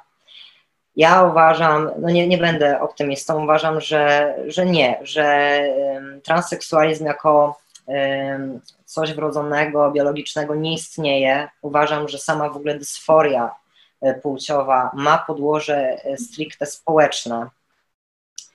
E, I opierając się też no, na moim doświadczeniu, jako osoby, która była przekonana, że tranzycja jej pomoże ją szczęśliwi, a wpędziła ją tak naprawdę w gorszy stan psychiczny, ponieważ doszedł dysonans co, co jest potwornym uczuciem, no to tym bardziej uważam, że, no, że, że nie jest po prostu to możliwe. I dalej będę upierać się przy tym, że powinniśmy nie skupiać się na e, zmienianiu swojego ciała, e, dostosow- dostosowywaniu tego ciała do naszych myśli, ale bardziej skupianiu się na naszej psychice, na naszych problemach, bo to jest w ogóle bardzo częste, że osoby trans mają inne problemy, e, inne schorzenia współistniejące, e, inne zaburzenia no i uważam, że to też jest bardzo ważnym aspektem, bardzo też e, pomijanym przez e, transaktywistów i powinno się o tym mówić. Warto też powiedzieć, że często osoby trans tak naprawdę są osoby, osobami homoseksualnymi. Tak. Gdzie po prostu mm, zaczynają się identyfikować jako trans z różnych względów, czy to z inter, ze zinternalizowanej homofobii, czy homofobii doświadczonej w środowisku rodzinnym, jakimś lokalnym. Ja osobiście nie spotkałam się z jakimiś z takimi badaniami potwierdzającymi w 100%, że transpłciowość jest zjawiskiem, który, które ma jakieś podłoże biologiczne, czy że jest wrodzona. Czytałam właśnie takie badanie na temat poszukiwania różnic między mózgami osób transpłciowych a mózgami osób nietranspłciowych. Oczywiście różnice takie znaleziono, ale nie, nie ma do końca pewności, czy to nie wynika z tego, że po prostu te osoby są homoseksualne, bo mm, wcześniej wykonywano też badania na osobach homoseksualnych, gdzie mózgi osób homoseksualnych różnią się od mózgów osób e, heteroseksualnych. E, także no, nie ma co do tego pewności, mm, więc no, ja jakby mm, tutaj nie będę się jakoś e, mówić, że na 100% to zjawisko nie istnieje, bo naprawdę nie wiadomo w ogóle, jakie jest jego podłoże, no ale zazwyczaj y, z moich własnych obserwacji wynika to, że po prostu jest to jakaś, y, jakieś poczucie niezgodności ze stereotypami płciowymi przypisywanymi do płci, której dana osoba się urodziła, no i chęć utożsamiania się z inną płcią w celu na przykład y, ucieczki od tych stereotypów, zwłaszcza u młodych kobiet można to zaobserwować, że, że właśnie to mm, jakby ta zmiana w cudzysłowie płci mm, ma być jakimś takim odzyskaniem własnego ciała, mm, wolności, uwolnienia się od tych stereotypów, które narzuca społeczeństwo, czy rodzina, czy, czy jakieś inne osoby. No tak. Y tak, od stereotypów, od wymagań, też większa. Tak jak Ty mówisz, to jest bardzo ciekawe, bo szczególnie na tej płaszczyźnie właśnie mówię takiej sportowej, się po prostu nad tym zastanawiałam. To nie jest tak, że nigdy nie przyszło mi do głowy, że prawda, że to by było wspaniale, szczególnie ćwicząc, że raptem takie doładowanie testosteronu. Zresztą są kobiety, które w ogóle nie są transpłciowe, ale y, na przykład y, no, są kulturystkami, tak, decydują się na branie tego testosteronu, no i one wtedy pokonują, mimo tego, że otoczenie z reguły nie mówi, że to jest piękne, wręcz przeciwnie, mało osób, ma, ma, niewiele osób uważa, że to jest atrakcyjne u kobiet, ale one gdzieś tam marzą o tym, no bo być może chcą pokonać jakieś tam swoje ograniczenia fizyczne, być silniejszymi, być e, bardziej sprawnymi, tak, to no oczywiście tutaj właśnie ta jakaś potrzeba właśnie tej siły sprawczości, poważnego traktowania, no jest, jest duża, tak, nawet jeżeli kilka dni temu widziałam, że tam tak jak właśnie z powodu tych historii feministycznych i właśnie tej takiej naiwnej, głupiej, szkodliwej propagandy, takiej właśnie szybkiej trans, trans, tranzycji, tak, tej, tej, tego właśnie tej transpłciowości, to teraz mam negatywny stosunek do lewicy, ale właśnie tutaj jakaś posłanka powiedziała niedawno od nich na sali, że ktoś jej mówi do niej, że ludzie do niej mówią, że ona reprezentuje młodzież, ona ma już 40 lat i całkiem duże dzieci. E, no i to jest też przykład, prawda, że mamy podejście do kobiet, że w związku z tym, że mamy trochę cieńszy głos, że mamy, większość z nas jest niższa, tak, niż mężczyźni, słabsza, no i, i tak jest, i się nas traktuje trochę jak dzieci, no. Tak, Nie da się a takie mam jeszcze jedno pytanie, takie w ogóle, y, które zapomniałam zadać. No, czy po tej, po tej zmianie prawnej no to właściwie na przykład gdybyście chciały się pobrać, to aktualnie byłoby to możliwe, prawda? Tak. W tym momencie tak, bo Zuza ma dalej e, dane na, w dowodzie ma dane męskie, więc teoretycznie mogłybyśmy to zrobić, co jest dosyć absurdalne, bo takie osoby homoseksualne w związkach, gdzie żadna z osób nie zmieniła płci prawnie, no nie są w stanie zawrzeć ślubu, a my tylko z tego względu, że Zuza podjęła się tranzycji prawnej, no mamy taką możliwość i cóż. A dalej jesteśmy związkiem jednopłciowym, tylko po prostu inaczej nazwanym prawnie. E, jeszcze tutaj tak. warto dodać, że po prawnej detranzycji ta, to może, małżeństwo by się e, prawnie też rozpadło niestety. Tak. Faktycznie to jest idiotyczne. I właśnie e, to dobrze, że o tym też się tutaj wspominacie, bo często mówi się, że osoby transpłciowe są najbardziej dyskryminowaną mniejszością. Mm, tranzycja jest, staje się dostępna w Polsce od lat 60. w kodeksie.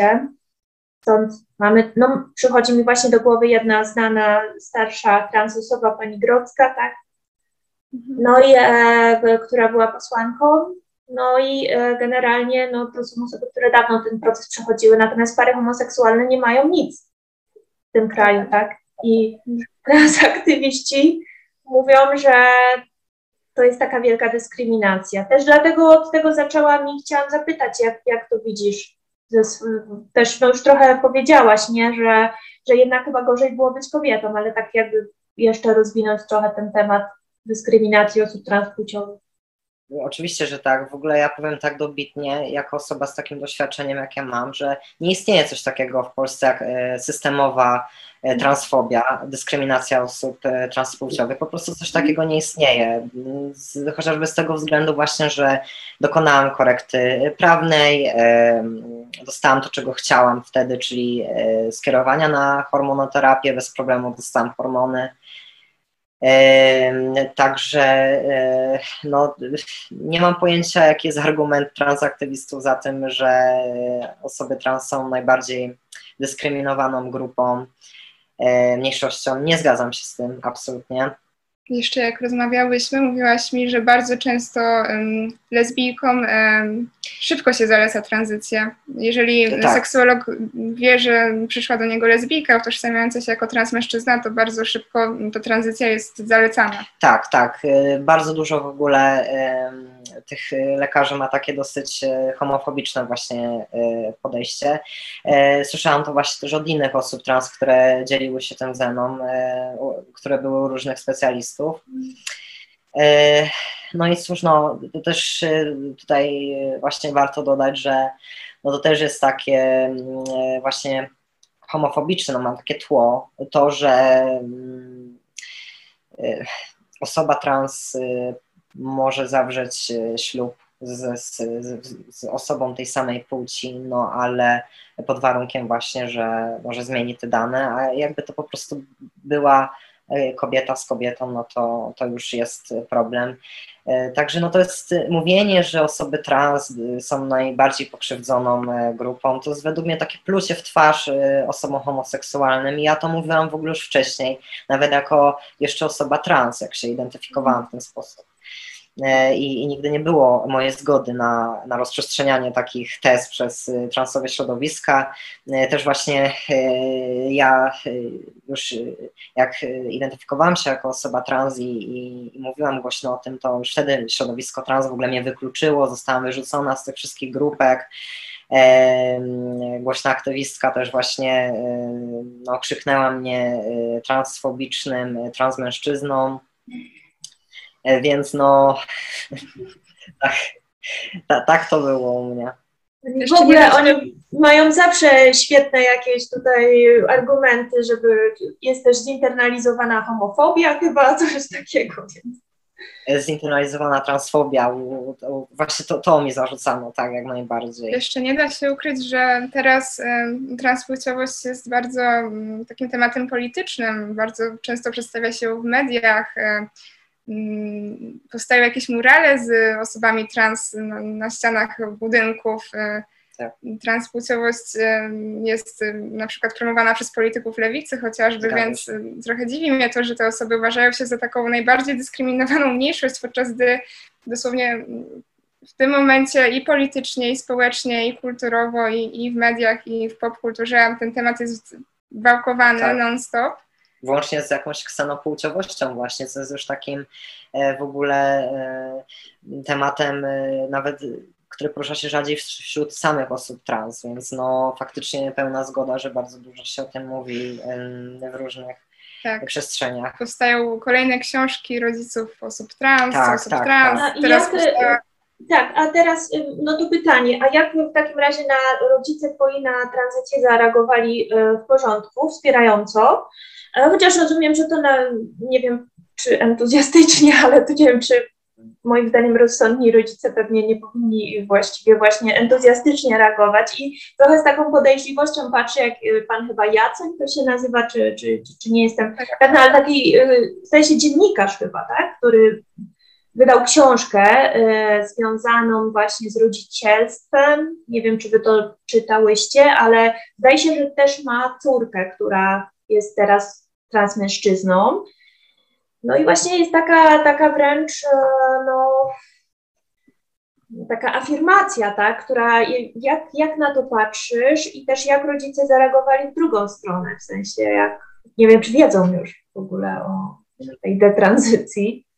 E, to znaczy tak, jeżeli chodzi w ogóle o moją tranzycję, to takie początki, początki oni e, źle zareagowali, zdenerwowali się, bardzo ciężko było im to przyjąć. Oni to na początku przyjęli e, jako żałobę córki. Mm, więc e, potrzebowali czasu, żeby, żeby się z tym oswoić i, po czasie faktycznie powiedzieli, słuchaj, dobra, chcemy, żebyś była szczęśliwa, jeżeli to przyniesie ci szczęście, ok, ale mówili mi oczywiście, słuchaj, tylko zastanów się, czy wiesz, czy na pewno, bo są nieodwracalne zmiany, mama mi tam y, mówiła o skutkach ubocznych właśnie y, hormonoterapii, E, także było to w moim domu jak najbardziej obgadywane, no ale y, ja wtedy się uparłam po prostu i stwierdziłam, że wiem, czego chcę doskonale, e, więc y, zaakceptowali to. Jeżeli chodzi o moją detranzycję, no to y, tutaj znowu będą potrzebowali czasu, bo znowu zareagowali, e, zwłaszcza mama, dosyć negatywnie E, dosłownie powiedziała mi, że ona to przeżywa e, też jako żałobę syna, że najpierw miała żałobę córki, teraz żałobę syna, zwłaszcza, że e, ona obserwowała przez te ostatnie miesiące naprawdę szczęśliwe dziecko, bo ja też nie mówiłam jej, że właśnie czuje dysonans, że nie do końca jest ok, że E, uważam, że to nie jest to rozwiązanie. Nie mówiłam jej o tym, bo po pierwsze nie chciałam jej martwić, po drugie, e, mimo że my mamy więź i kochamy się, to nasze relacje zawsze były skomplikowane i są, więc to jest taka dodatkowo trudna sytuacja. E, więc aktualnie no, nie mamy za bardzo kontaktu. Myślę, że obie strony muszą się z tym oswoić i uspokoić, zanim ja w ogóle wrócę do nich z, z, z informacją, że słuchajcie, znowu dostaniecie pozew żeby znowu mm, zniecić tą sprawę w sądzie i tym razem dokonać detranzycji prawnej, czyli tego powrotu do żeńskich danych. Natomiast y, właśnie to, co chciałabym przekazać rodzicom, ogólnie nie swoim, ale ogólnie rodzicom, to właśnie, żeby nie mieli od razu takiego podejścia y, afirmac afirmacyjnego, y, mimo tego, co właśnie promują media, bo to jest zabezpieczeniem po prostu dla dziecka, żeby zastanowiło się właśnie, żeby to nie było decyzją e, taką szybką, gwałtowną, żeby właśnie nie podchodzili do tego entuzjastycznie. I nie mówię tutaj, broń Boże, żeby, e, ja nie zachęcam rodziców do tego, żeby dyskryminowały w jakiś sposób te dzieci, w sensie, żeby na siłę zwracały się e, zajmkami, które te dzieci nie preferują, bo ja doskonale wiem z własnego doświadczenia, że to nie pomoże wcale, że misgenderowanie wywołuje po prostu w ludziach e, identyfikujących się jako trans bardziej taki bunt, gniew i te osoby się zamykają, bo od razu myślą, aha, ty nie chcesz dla mnie dobrze, to po prostu prostu chcesz być złośliwy, więc absolutnie odradzam takiej metody. Ja myślę, że tutaj y, trzeba mm, dać y, możliwość dziecku eksplorowania tego i jeżeli dziecko przychodzi z taką informacją, to uważam, że powinniśmy mu dać jakąś przestrzeń, żeby y, się mogło identyfikować tak, jak tego chce, tylko po prostu, żebyśmy tego dziecka nie zachęcali, nie pchali od razu właśnie do seksuologów po to, żeby otrzymało skierowanie na hormonoterapię, na operacje, żebyśmy nie zachęcali od razu, a dobra, to zmień dane, E, no bo to jest bardzo poważna decyzja i tutaj lepiej naprawdę zastanowić się dłużej niż krócej. Mhm. A powiedz, Brygida, twoi rodzice jak reagowali w ogóle na, nie wiem, czy mówiłaś o tym, że jesteś z osobą transpłciową, jak, jak to było przyjmowane? Albo osobą teraz detranspłciową, Tak, jeżeli chodzi o e, tutaj o tą tranzycję i właśnie funkcjonowanie jako osoba trans y, przez ZUZA. Moi rodzice w zasadzie bardzo dobrze to przyjęli. Nie mieli problemu tutaj, żeby to uszanować, więc bardzo fajna postawa oczywiście.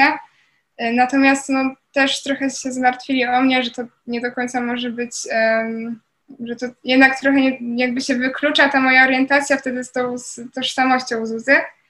E, natomiast e, o Twojej detranzycji jeszcze nie wiedzą i my się jeszcze z nimi, z nimi nie, widziałyśmy, nie widziałyśmy i dopiero ta rozmowa przed nami będzie. E, także zobaczymy, jak to się potoczy. Mhm.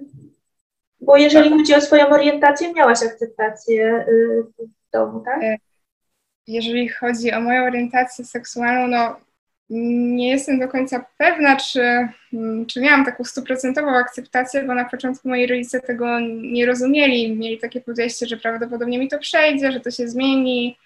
Mm, moją pierwszą partnerkę nazywali właśnie po prostu koleżanką, pomimo tego, że przedstawiłam im e, ją jako partnerkę, także no, były tu jakieś problemy. Teraz mam wrażenie, że to się już dużo bardziej poprawiło, że po prostu już e, się bardziej z tym tematem oswoili, już nie traktują tego jako swojej własnej porażki. Także myślę, że tutaj, że no czasem rodzice potrzebują czasu, zwłaszcza, że oni się wychowywali w, jak, w innych czasach, kiedy takie tematy były mm, chowane gdzieś tam, jakieś tematy takie tabu, chowane gdzieś tam za szafą, żeby przypadkiem nie wyszło na jaw.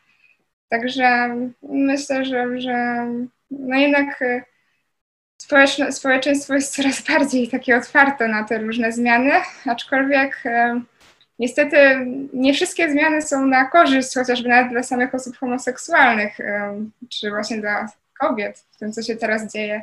Tak, no to taki najbardziej może na koniec, bo też już długo dość rozmawiamy, taki kontrowersyjny temat, bo właśnie zdałam sobie sprawę z tego, że kiedy była mowa o tych osobach z macicami, to prawdopodobnie była to mowa mniej więcej o takiej osobie jak ty, tak? Czy kiedy y, aktywiści postulują, właśnie nawet wczoraj młodzi razem dali tweet, że nasze osoby poselskie, tak to brzmiało, nasze osoby poselskie y, także wspierają y, osoby z macicami,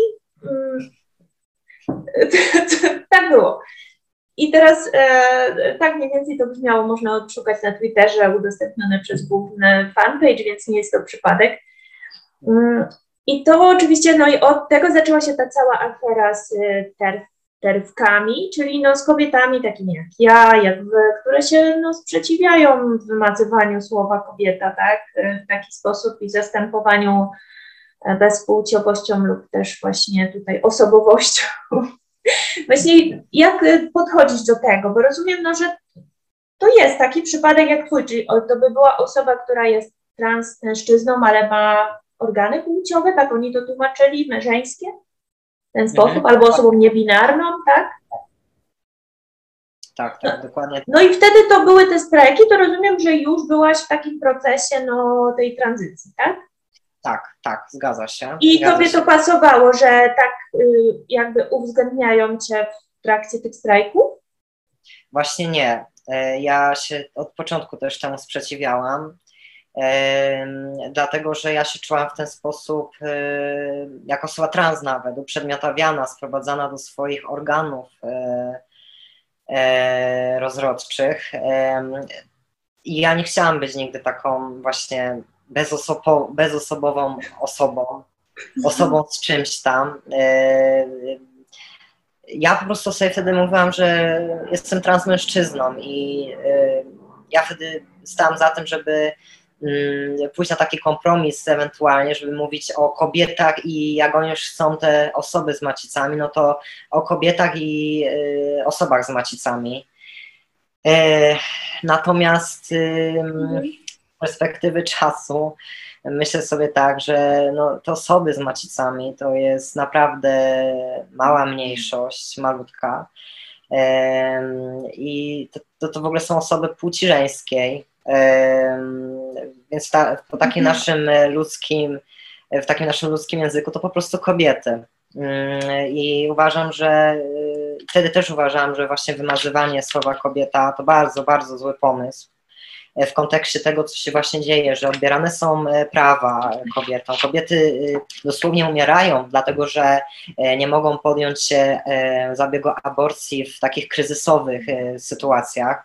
Więc dla mnie to po prostu no, było kpiną, że jeszcze to odbiera się kobietom, język, odbiera się właśnie to, żeby mogły o sobie mówić, żeby mogły się nazywać e, po imieniu, powiedzmy to, to wprost. E, także no, no nie było na to po prostu od początku mojej zgody. I nie czułam się sama osobiście dobrze, kiedy ktoś nazywał mnie osobą z macicą. Ja właśnie też tak sobie myślę, że nawet jak jesteś y, osobą, nawet jakkolwiek się nie, nie określasz, to to określenie jest po prostu wybitnie obraźliwe dla wszystkich, no, dla, tak. dla wszystkich, jest dehumanizujące.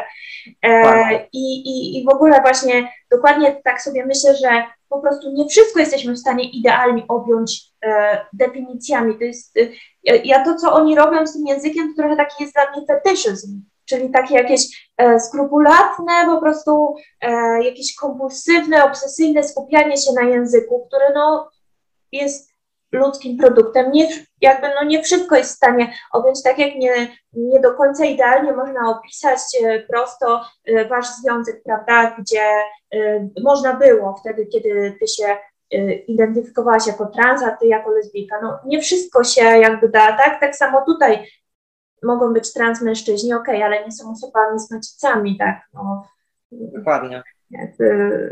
Coś, tak, to, to, to jest dość upiorne.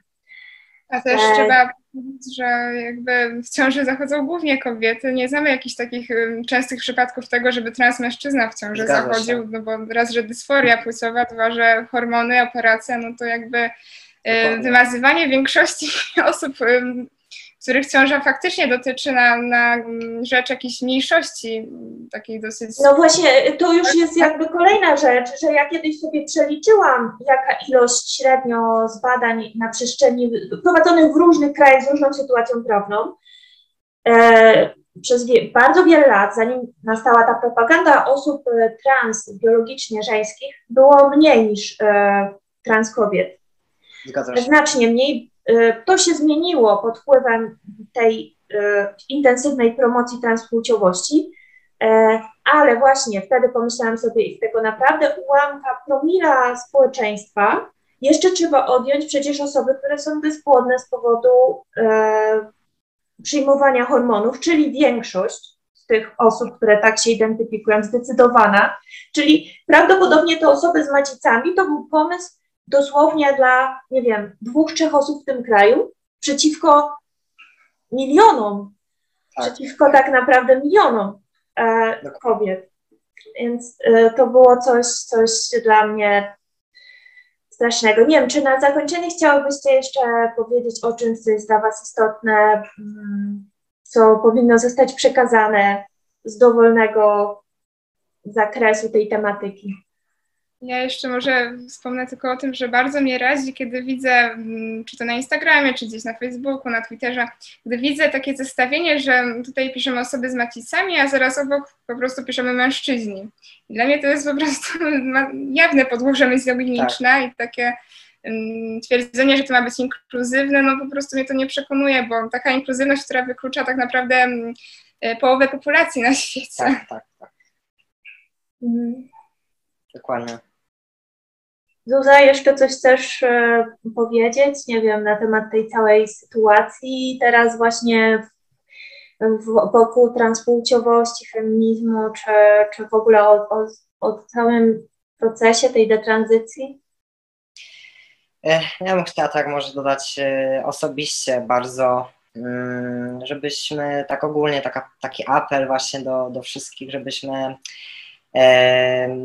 skupiali się E, a propos transseksualizmu i dysforii, nie na takich hasłach, e, że ktoś się rodzi w złym ciele, czy że właśnie ciało trzeba dostosować, e, czy coś w ciele jest nie tak. Chciałabym właśnie prosić, żebyśmy weryfikowali to wszystko i nie przyjmowali tak wszystkiego bez, bezrefleksyjnie i, i zastanowili się przede wszystkim nad źródłem problemu, czyli co tak naprawdę powoduje tą dysforię i żebyśmy właśnie bardziej skupiali się właśnie na tym aspekcie psychologicznym, żeby tutaj leczyć bardziej źródło problemu, aniżeli objaw. To taki właśnie taki apel ode mnie, taka prośba jako osoby, która ma trudne doświadczenie i cały czas tak naprawdę się z tym boryka. Wielkie dzięki za tą rozmowę i e, zostawię oczywiście jakieś tutaj informacje na, na temat Waszych profili. Jasne, dziękujemy, dziękujemy bardzo.